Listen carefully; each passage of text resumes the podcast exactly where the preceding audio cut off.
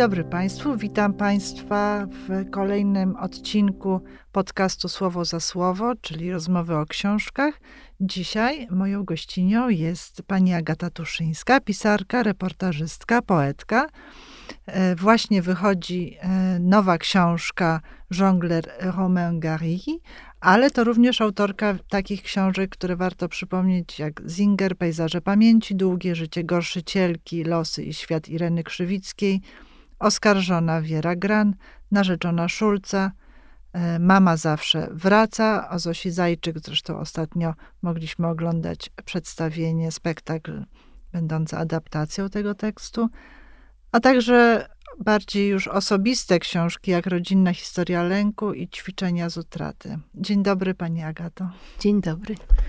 E, pierwsze moje pytanie dotyczy mm, właśnie tej osobistej strony, dlatego, bo oczywiście Rodzinna historia lęku i Ćwiczenia z utraty są e, autobiograficznymi książkami, można powiedzieć, bardzo osobistymi.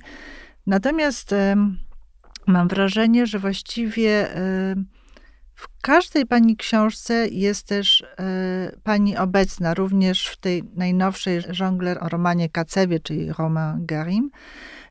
Natomiast tak jak napisała pani w podziękowaniach, i też od tego chciałabym zacząć, że książka to przygoda i zobowiązanie, zajmuje czas, myśli, przestrzeń, wypełnia tygodnie, miesiące, lata, niekiedy trzyma w szponach jak ta.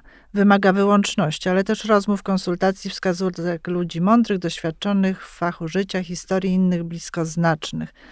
I e, chciałam zapytać, na ile się pani angażuje w książkę, tak cał, całą sobą, bo mam wrażenie i ja lubię to bardzo, nie wiem jak inni, ale lubię to w pani e, pisarstwie i w pani biografiach, które pani pisze, w których pani się specjalizuje też jako, jakoś, myślę poniekąd, można tak powiedzieć.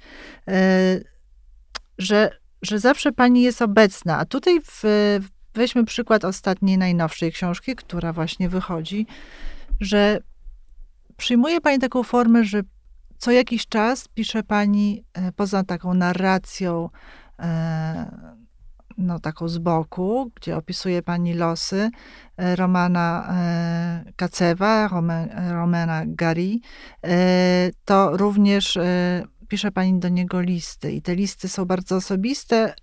Jakoś tam też e, może porównanie to jest złe, ale odnosi pani jego sytuację, jego przeżycia, jego los również do swoich losów. Na ile jest to ważne w pani książkach, pani obecność? Hmm. E, wszystkie książki piszę ja, czyli piszę mm, moje ciało, dusza, ręka i i wszystko inne, więc sądzę, że mm, każda z nich e, jest e, mm, obdarzona moim charakterem pisma. I to było różnie przez wszystkie lata, ponieważ ja już piszę książki dość długo. I każda z nich wygląda nieco inaczej i na inne moje pytania odpowiada. Ale rzeczywiście w każdej jestem obecna, raz bardziej, innym razem mniej. I myślę, że to wynika mm, z mojego stosunku do opisywanych postaci, a mianowicie e, ja szukam w tym postaci, ja szukam w tych postaciach odpowiedzi na pytania, które zadaję sobie. Mm, zadaję sobie pytania dotyczące świata, dotyczące relacji z innymi ludźmi, dotyczące mojego pochodzenia e, żydowskiego, które w pewnym momencie stało się dla mnie ważne. I e, wszystkie te pytania kieruję do moich bohaterów. E, być może najpierw, na początku, robiłam to trochę nieśmiało.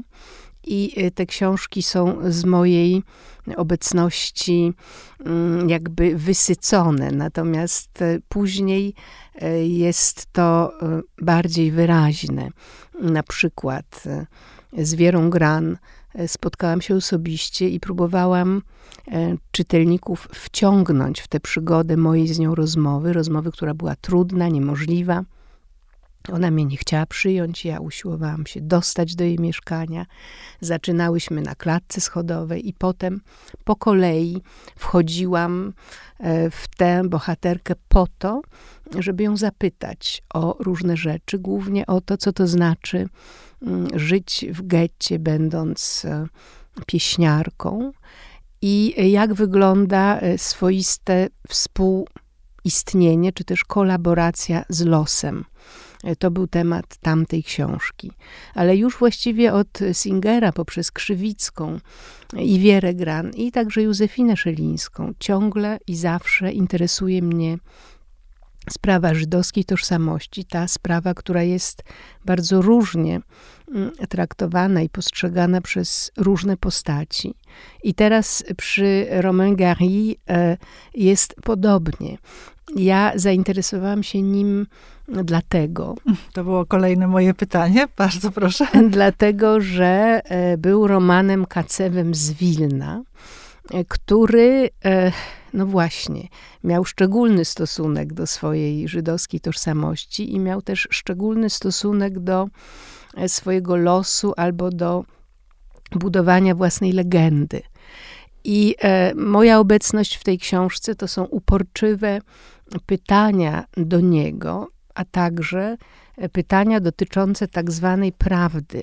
Mm, słowo prawda odmieniam tutaj w różnych e, kontekstach i konfiguracjach. Czasami e, piszę je w cudzym słowie, dlatego że po napisaniu tylu książek i po tylu latach pracy pisarskiej ciągle się zastanawiam, czy prawda istnieje. I mm, pisząc o wierze Gran, już skonstatowałam, może po napisaniu książki, że nie ma jednej prawdy, że każdy ma prawdę swoją i ona jest równie rzeczywista. Prawda Wiery Gran i Władysława Szpilmana są zupełnie inne, ale każdy trzyma się swojej.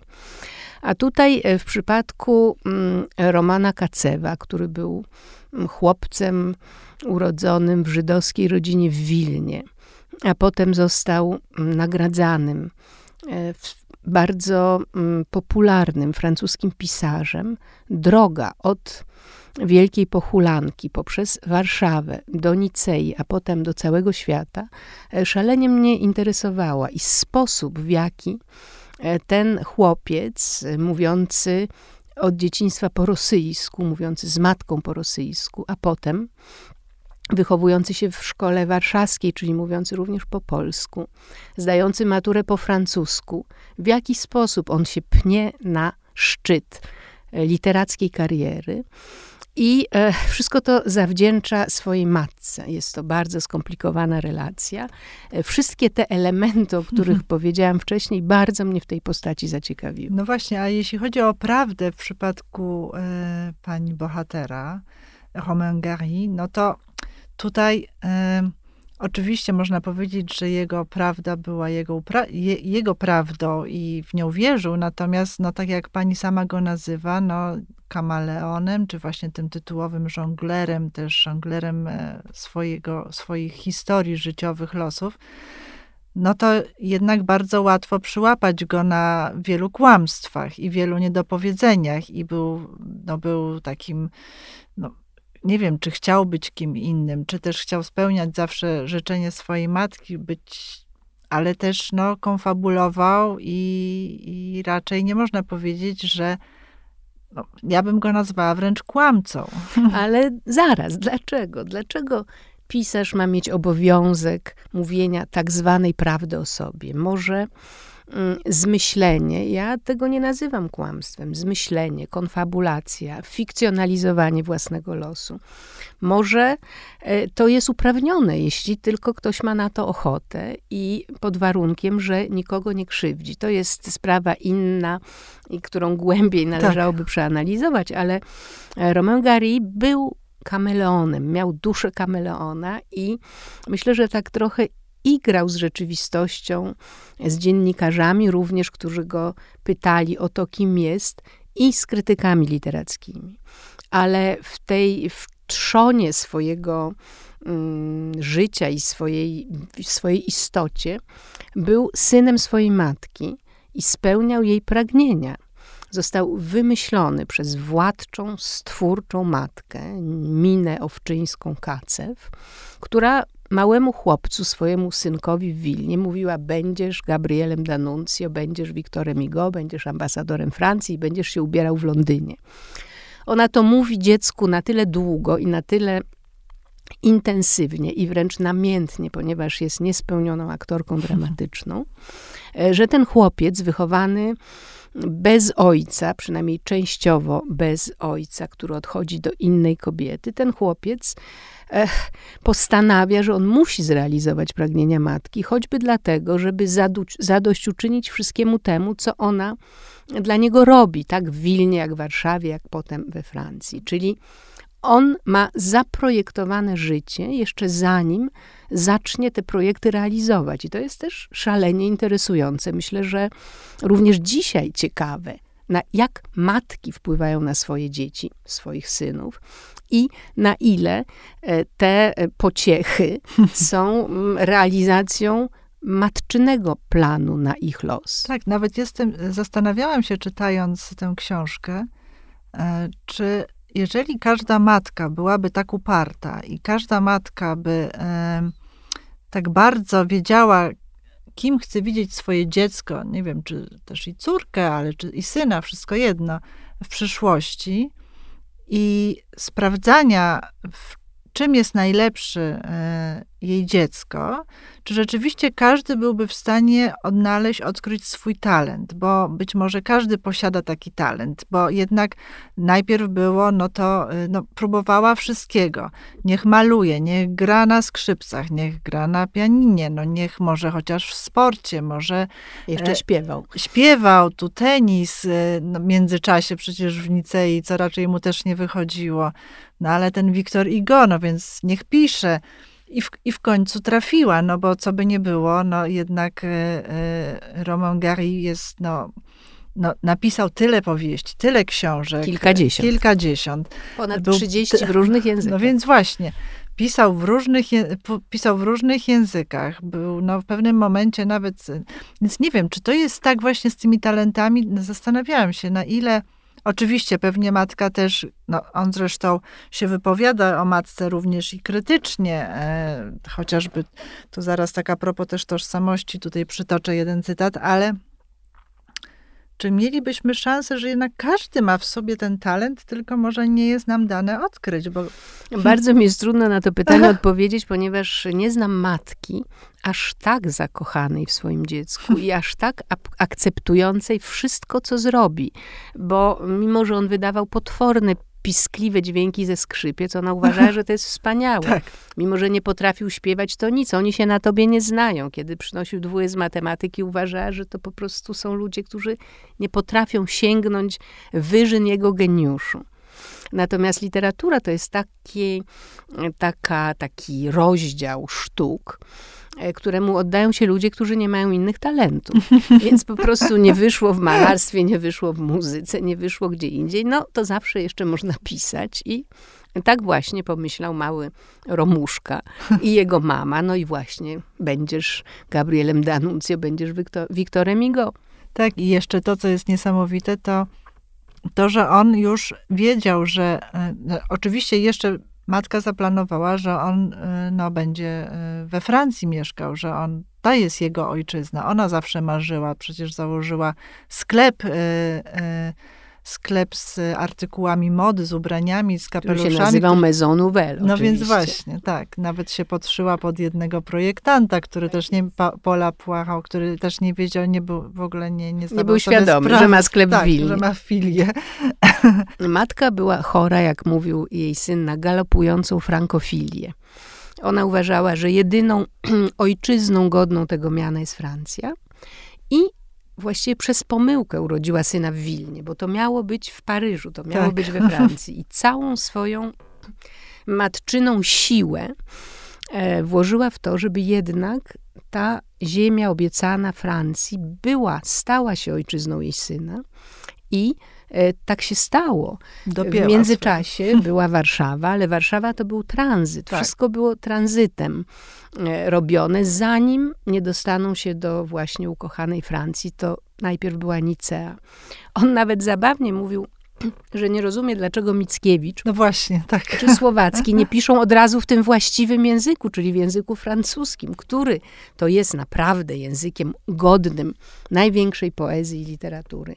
Czyli e, rzeczywiście dla niej Francja była jedynym domem godnym jej syna, język jedynym językiem, w którym on ma osiągać sukcesy. No i tak się stało. Tak się stało i, i w sumie dosyć dobrze wymyślił to sobie, dlatego, bo jednak jakby pisał no nie wiem właśnie, czy po rosyjsku, czy po polsku, być może no dłużej musiałby czekać na swój sukces, a po francusku, no to już cały świat był przed niego otworem, zwłaszcza, że, że również e, spełnił kolejne marzenie matki, również został dyplomatą, więc e, też miał możliwość... Będziesz ambasadorem Francji, tak. mówiła mu. Ambasadorem co prawda nie był, ale był konsulem. Tak. I to już po wojnie, najpierw w Sofii, potem w Genewie.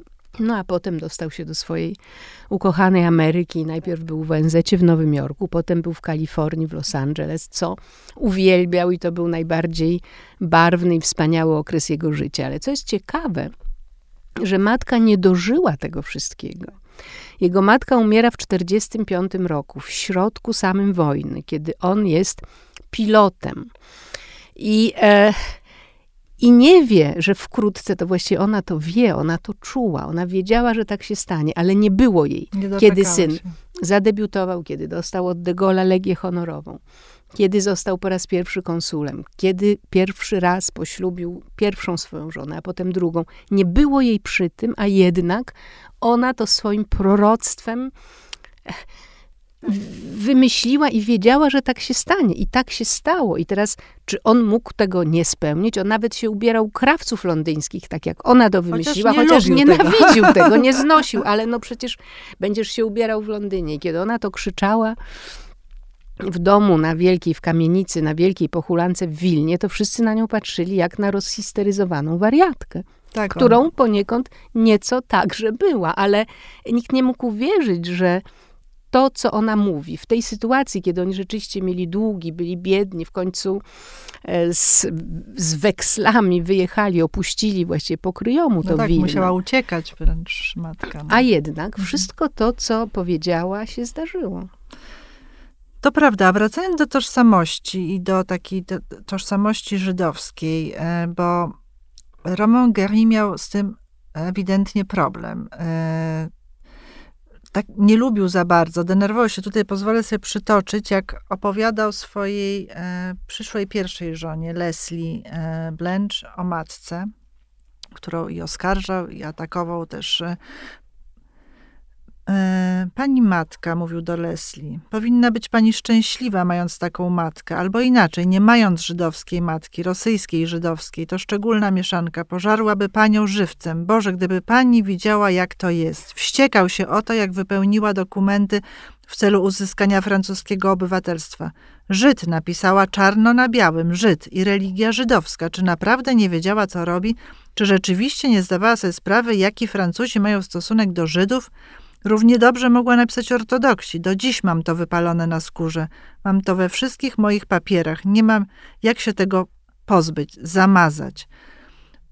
Że on się jakoś bał tego swojego pochodzenia. Nie wiem, tak jak ja interpretuję, że może jeżeli by głośno powiedział, tak, jestem Żydem, to że straciłby tę sławę, tę popularność, te, to bycie tym takim no, wielkim, dzisiaj byśmy powiedzieli, celebrytą?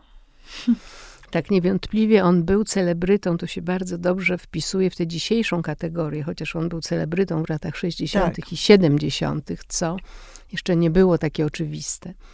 Rzeczywiście z żydostwem miał problem, ale nigdy się nim nie chełpił. Nigdy nie powiedział otwarcie, że oboje jego rodzice byli Żydami, bo to nie tylko matka, ale także jego ojciec, Lejba Kacew, który istniał, mimo że w obietnicy poranka wydaje się, że on ojca nie miał, że wychowała go wyłącznie matka. Ojciec został wytarty, starty z powierzchni ziemi. Tymczasem on był. Był handlarzem skór, był kuśnierzem, był kimś w rodzaju biznesmena, powiedzielibyśmy dzisiaj, i również był Żydem. I e, więc Gary został wychowany w Wilnie e, w, i nawet chodził do synagogi. I pewne żydowskie modlitwy i słowa i powiedzenia pamiętał, dlatego że one występują w jego książkach, nawet w tej pierwszej książce Edukacji Europejskiej, którą napisał latając e, nad okupowaną Europą i Afryką, więc e, pamiętał. Czyli ten wątek żydowski to w nim było. Poza tym potem w swojej powieści Taniec Dżingis Kona mówi o Dybuku, to go bardzo mm, zajmuje, ale jednak nie decyduje się we Francji, e, którą, której się obawia, która jest tą mm, świątynią wolności i równości i demokracji, ale jednak on nie, nie dostaje szlifów oficerskich, dlatego, że jest naturalizowany późno i dlatego, że jest Żydem. Czyli e, to żydostwo jest przynależnością do pewnej kultury i on się go nie wypiera ze względu na matkę, ale jednocześnie po to, żeby swobodnie e, pływać i funkcjonować w świecie, lepiej jest się z tym nie wychylać, a przynajmniej nie od razu. I tak też on to robi w jego pierwszych książkach tego wątku nie ma. To się zaczyna się pojawiać dużo, dużo później. I e, no, w końcu pisze tak wspaniałe książki, gdzie bohaterami są właśnie pani Roza, tak, w życiu e, przed sobą, która jest jedną z moich ulubionych bohaterek. Jest to wspaniała postać, właśnie Holocaust Survivor, Żydówka, prostytutka, która zajmuje się małym arabskim chłopcem w Paryżu, czy też w lękach króla Salomona mamy pana Salomona, który jest Żydem, który przeżył w piwnicy w okupowanym Paryżu. Czyli w miarę upływu lat stosunek do jego pochodzenia się zmienia. Natomiast na początku chce być jak inni, co jest bardzo częste dla Żydów, którzy przeżyli okupację. Natomiast u niego jest to o tyle e, dla mnie mm, dziwne, dlatego że on nie był w getcie, on nie był w Europie okupowanej, nie był na ziemi, on służył w lotnictwie cały ten czas, czyli patrzył na to z góry, nie bardzo też do końca myślę, wiedząc dokładnie, co tam się dzieje, co się dzieje w gettach, jak wyglądało na przykład getto wileńskie, gdzie zginął jego ojciec, tam czy też w obozie, który, do którego go wywieziono po getcie. Cała jego rodzina ze strony ojca tam zginęła. Ja tutaj mam trochę żalu, że on się tym nie interesował, że bardzo późno e, zaczął tę przeszłość oswajać, przyswajać i późno zaczął o tym pisać. No ale widocznie przedtem nie był na to gotowy. No tak, chociaż o ojcu powiedział, że y, że zginął w komorze gazowej, co też nie było prawdą, więc... E, to znaczy, nie, on nie sprawdzał informacji i to wszystko jest w tej jego takiej kuglarskiej rzeczywistości. On bierze jakiś wątek i brawurowo go rozwija, nie bardzo zastanawiając się, jakie on ma korzenie w rzeczywistości i czy w ogóle, prawda? Wobec tego mm, są tam takie błędy jak ten, no mówię o komorze gazowej, komór gazowych nie było w tamtej okolicy. Rok też nie bardzo się zgadza i tak dalej, i tak dalej. Ale on miał niezwykłą łatwość pisania. Ja myślę, że z moich bohaterów jeszcze Izak Baszewi Singer potrafił tak opowiadać historii i jeden i drugi nazywał siebie właśnie storyteller, czyli opowiadacz historii. Mieli wyjątkową łatwość. Singer siadał na pięć minut na lotnisku, czekając na samolot i pisał opowiadanie do Forwards. I Gary również. Co więcej, jeszcze on się w tym zatracał się w tym świecie mm, swoich bohaterów. On po prostu lubił to robić. On lubił tam być w tym świecie, który wymyślał. Co jest dla pisarzy, tak jak wiem coś nieco o nich, dość rzadkie. Zwykle pisarze się nie przyznają do tego, że lubią pisać, natomiast on zdecydowanie lubił pisać. Co więcej, mówił, że tylko pisanie i seks bronią go przed całkowitą rozpaczą. Tylko one sprawiają, że świat jest do zniesienia. No właśnie, więc przeszłyśmy do też ważnego wątku w życiu. E, w życiu Romain Garego, ponieważ no, kobiety. Kobiety, no, miał dwie żony. E, jedna była pisarką, 10 lat od niego starsza, Leslie Blanche, a druga była młodziutka wówczas Jean Seberg, która była aktorką i też miała bardzo burzliwe swoje życie. E, więc tu akurat myślę, że też się nieźle dopasowali, jeśli chodzi o temperamenty. Ale w międzyczasie było no, dziesiątki kochanek, romansów e, i ten stosunek do kobiet, który no, taki bym powiedziała, co jest ciekawe, bo tutaj też e, pisze pani o tym, że on wystrzegał się właściwie, nie pił alkoholu, nie brał narkotyków, mimo że należał do tego całego świata ludzi, którzy to robili namiętnie, E, to on chciał zachować kontrolę umysłu. To było dla niego bardzo ważne. Może też chciał zachować kontrolę no, swojej, swojej mm, tej opowieści o sobie też, no bo wtedy łatwo ją stracić.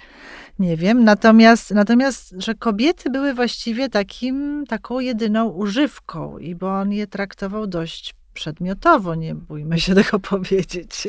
No niestety, niestety. Ja muszę powiedzieć, że mój stosunek do mojego bohatera e, ewaluował bardzo podczas pracy nad książką. Ja pokochałam tego małego mm, chłopczyka z Wilna, któremu matka wymyśliła życie i który miał być właśnie Wiktorem Igoi, ambasadorem Francji, ale jakoś nie dosłyszałam wówczas kolejnego zdania, które matka wypowiadała i kobiety będą leżeć u twoich stóp. Otóż te kobiety leżące u stóp zaczęły być dla mnie problemem w miarę dowiadywania się mm, o mm, tym y, mężczyźnie. I tak jak podziwiałam jego żonę Leslie Blanche, która była wspaniałą kobietą, zresztą żyła ponad 100 lat, była podróżniczką, była ciekawa świata, była bardzo otwarta, była intelektualnie na niesamowicie wysokim poziomie, ale Jemu to nie wystarczało, to znaczy nie tego albo nie tylko tego szukał w kobietach. No, potem wydawało się fascynacja niezwykła. Ta mała e, Jean, amerykańska aktorka, gwiazda potem francuskiego kina, gwiazda Godarda. No już kogo, e, to było coś najlepszego, co mogło go w życiu spotkać, a jednak nie mógł się powstrzymać od takich przygodnych kontaktów z kobietami. Myślę, że to e, było coś w rodzaju choroby. E, teraz to się nazywa pewnie seksoholizmem. I e, nie miało, to był jakby osobny tor jego życia. To było tak jak jakieś czynności gimnastyczno-higieniczne, nie wiem jak je nazwać. I Leslie, która była mądrą kobietą, ona to rozumiała. I dopiero w momencie, kiedy zobaczyła, a był przecież wtedy z nią w małżeństwie, kiedy zobaczyła w Los Angeles, jak on zaczyna patrzeć właśnie na ową e, młodziutką blondynkę, jean z krótkimi włosami, zrozumiała, że to jest coś więcej. Ale to zauroczenie trwało chwilę i potem on wrócił do swoich zwyczajów, czyli było to poszukiwanie kobiety, która zaspokajała fizjologiczne jego potrzeby. I on uważał, że on nie może inaczej. I to by było, mm, no powiedzmy, jakoś w porządku, gdyby chodziło tylko o kobiety, które uprawiają seks zawodowo. To była jakaś transakcja handlowa. Tymczasem było bardzo wiele innych kobiet, które rzeczywiście się w nim zakochiwały i które traktował haniebnie. I tutaj ja wystosowałam taki dość e, ostry list do list niego, do tak, niego gdzie mówię, że ja tego po prostu nie, nie chcę, ja tego nie chcę słyszeć, ja tego nie akceptuję. Tak. I jak człowiek, który mhm. potrafi pisać tak liryczne strofy właśnie w moim ukochanym tak. życiu przed sobą, jest w stanie robić coś takiego z kobietami. Tak, właśnie ten list bardzo mnie poruszył. Jest takim właśnie tak, że rozpościerał pan przed nimi swoje pawie pióra Don Juana z dzielnicy łacińskiej na chwilę lub dłużej, przyciągał i odpychał, uzależniał i odtrącał, radził zająć się rówieśnikami. Musiał pan wiedzieć, że blizny po takich namiętnościach pozostaną w nich na zawsze. Nie wnikał pan w te subtelności, zadaje pani pytania, na które niestety odpowiedzi nie dostajemy. No myślę, że odpowiedzią jest fakt, że robił to ciągle, ciągle i stale ciągle. I, i, nie przestawał. I myślę, że tutaj ta wspaniała matka, która go właśnie wymyśliła i otworzyła przed nim świat sztuki, do którego on miał dorosnąć, jednocześnie no, dała mu coś takiego jak e, wielu, chciałam powiedzieć, jedynaków, tutaj jest kolejna zagadka, on nie był jedynym no synem no właśnie, swojej matki, tak. ale wielu zbyt kochanym chłopcom coś takiego się daje, że oni mogą wszystko, że nie ma żadnych barier, że skoro oni czegoś chcą, to mogą to robić i no właśnie jednak może nie mogą. I zastanawiam się, gdzie było jego poczucie nawet nie przyzwoitości, ale odpowiedzialności za drugiego człowieka. Tak, chociaż on się upierał, że oddziela moralność od pisania jakoś tak chyba nie chciał do końca zaakceptować tej swojej choroby. Już nie mówiąc o tym, że, no, że jednak był też wiecznie cierpiący na melancholię, depresję, no, miał, miał poważne takie problemy, był pod opieką lekarzy do końca życia, więc ta literatura go na pewno jakoś utrzymywała i Twierdził, że literatura i seks. no właśnie I kładł i seks. na no, więc to, to było tak. nacisk, ale jednak, jednak, mimo tych gigantycznych sukcesów, bo był to naprawdę pisarz swego czasu bardzo popularny, bardzo czytany. Zresztą dzisiaj trochę jego sława wraca, dlatego że on został wydany w serii Plejad, która jest e, bardzo prestiżową serią, w której znajdują się naprawdę najwybitniejsi francuscy pisarze. Jego utwory tam są. No poza tym, o czym trzeba powiedzieć, co mnie również niezwykle fascynowało, Że jest laureatem dwa razy że jest nagrody. dwukrotnym laureatem Nagrody Goncourtów, co jest niemożliwe, dlatego że regulamin nagrody mówi, że pisarz może dostać tę nagrodę tylko raz w swoim życiu, raz w dorobku. No, czyli Romain Gary dostaje nagrodę po raz pierwszy, a po raz drugi dostaje ją jako wymyślona przez Emile. siebie postać Emila Jarre. I to jest niesamowity mm, taki, no taka sztuczka literacka, która pogrążyła przynajmniej na jakiś czas krytykę francuską no, w dość takiej, powiedziałabym, groteskowej sytuacji i rozpaczy, dlatego że ci sami krytycy, którzy pisali, że Romain Gary się skończył, chwilę później mówili, że Emila Jarre to jest wybitne i wielkie pióro i to jest dopiero talent młody. Tak, no właśnie, bo książka jest podzielona na trzy części. Najpierw mamy e, Romana Kacewa, czyli ta cała, całe jego życie do, no, do, do wojny. Potem mamy powojenne czasy, już jak on e, zmienia swoje nazwiska, bo Kacew mu nie pasował do tego wielkiego francuskiego świata na Gary, a potem w trzecia część to jest właśnie o Emilu Ajar i też właśnie te wszystkie jego pseudonimy, oba nazwiska łączą się z ogniem i z żarem, co też jest znamienne, I z matką. i z matką. No więc właśnie. I e, na koniec chciałabym się zapytać o samą pracę nad książką, bo e, książka jest fascynująca i myślę, że e, no, tak się ją dobrze czyta, że, że, że ci, którzy nie czytali e, książek e, Romain Gary, na pewno po nie, po nie sięgną. Bardzo bym chciała. Bo, bo dużo bardzo mamy w Polsce przekładów, jest, jest z czego wybierać, więc myślę, że, że, że nie trzeba daleko szukać.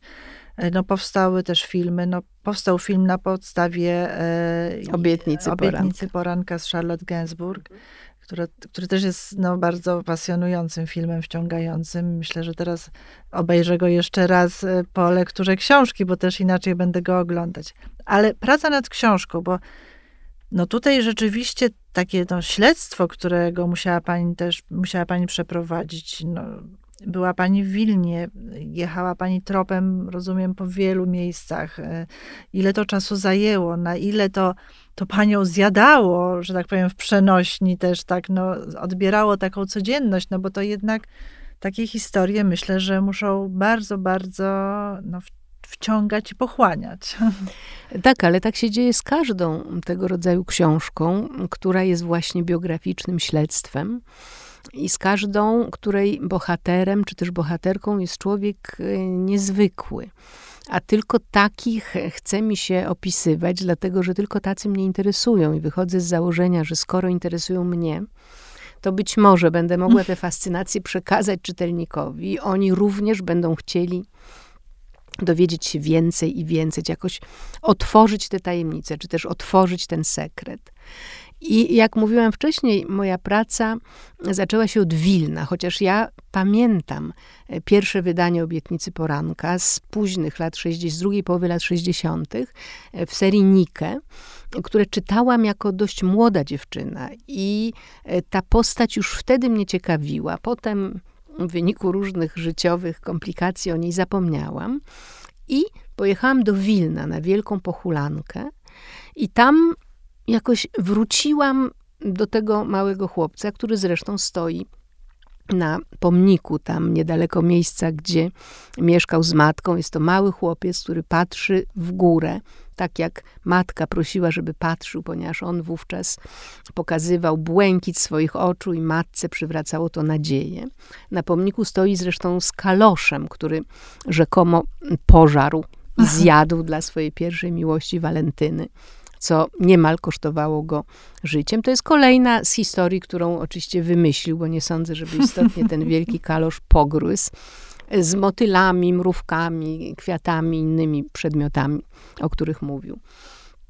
Więc e, w tym Wilnie jakoś jego obecność wydawała mi się bardziej realna i e, w archiwum wileńskim znalazłam mnóstwo dokumentów dotyczących jego osoby. Znalazłam zdjęcia jego jako chłopca. To wcześniej odkryła litewska archiwistka. Ja do niej się zwróciłam o pomoc. Tam pojechałam i to archiwum to była niezwykła kopalnia. I tego rodzaju śledztwo biograficzne, kiedy w końcu się trafia na dokumenty nieznane i fotografia, poza tym odkrywa się elementy biografii, o których on nie wspomina, na przykład postać ojca. E, to było dla mnie niesamowite. On tak się zachowuje i tak przedstawia światu, jakby nie miał ojca, albo jakby jego ojciec był wymyślony Rudolf Valentino Amant rosyjskiego filmu nie, niemego Iwan Mozżuchin. Tymczasem on miał ojca i to był Lej Bakacew i jest pełno jego fotografii, dokumenty, i choroby, i to, że chorował na nerki, i jego druga żona, i jego dwoje dzieci. Wszystko to nagle jest, czyli archiwa odkrywają nam takie strony jego życia, o których on sam nie mówi. I jest jeszcze tam owa tajemnica właśnie drugiego chłopca z pierworodnego syna Miny Owczyńskiej, wówczas Breckstein, o którym e, Romain nigdy nic nie mówi, czyli on tworzy w obietnicy poranka ową postać takiego ukochanego przez matkę jedynaka, podczas kiedy on jedynakiem nie był. Czyli od razu zaczyna się porównywać to, co on o sobie mówi i to, co mówią dokumenty. I potem ja się cały czas zastanawiam, czy ja mam prawo korzystać z tych dokumentów i mówić, jak było naprawdę, skoro on takiej prawdy nie chciał. I dlaczego? Skąd jest ta. Mm, dlaczego prawda ma być lepsza niż nieprawda, skoro on nieprawdą, czyli fikcją, czyli zmyśleniem szafował i w tym się spełniał. To mu się podobało. On opowiadał, że jest synem kozaka i że urodził się na stepach. E, opowiadał niestworzone historie i w tym jakby błyszczało to jego mm, niezaspokojone niczym ego i uważał, że ma do tego wszystkiego prawo. Czyli ja poruszałam się na takiej dziwnej powierzchni. Z jednej strony to były właśnie fakty, z drugiej strony to było to, co on o sobie mówił. Jest bardzo dużo materiałów we Francji, są wspaniałe z nim rozmowy, wywiady, można tego wszystkiego wysłuchać. Czyli mamy ten rozziew niesamowity między tym, co on mówi, tym, co mówią dokumenty, no jeszcze tym, co mówi w swojej prozie, która to proza niby ma być autobiograficzna, bo obietnica poranka, on mówi, że to jest jego życie. Podobnie mhm. zresztą jak Kosiński mówił o malowanym mhm. ptaku, że to jest jego życie. A jednak no to nie jest dokładnie jego życie. To jest sfikcjonalizowana proza z elementami rzeczywistości, ale nie można jej traktować jeden do jednego, co sprawia, że to znowu się staje jeszcze bardziej ciekawe. Czyli tego rodzaju komplikacja i taki żonglujący właściwie w każdym elementem swojego życia bohater sprawia, że to jest trudne i rzeczywiście jest to pochłaniające. Ja tę książkę pisałam długo, ale także dlatego, że w międzyczasie działy się różne rzeczy w moim życiu. Była pandemia, był niepokój. Ale tak, to nie jest łatwa sprawa.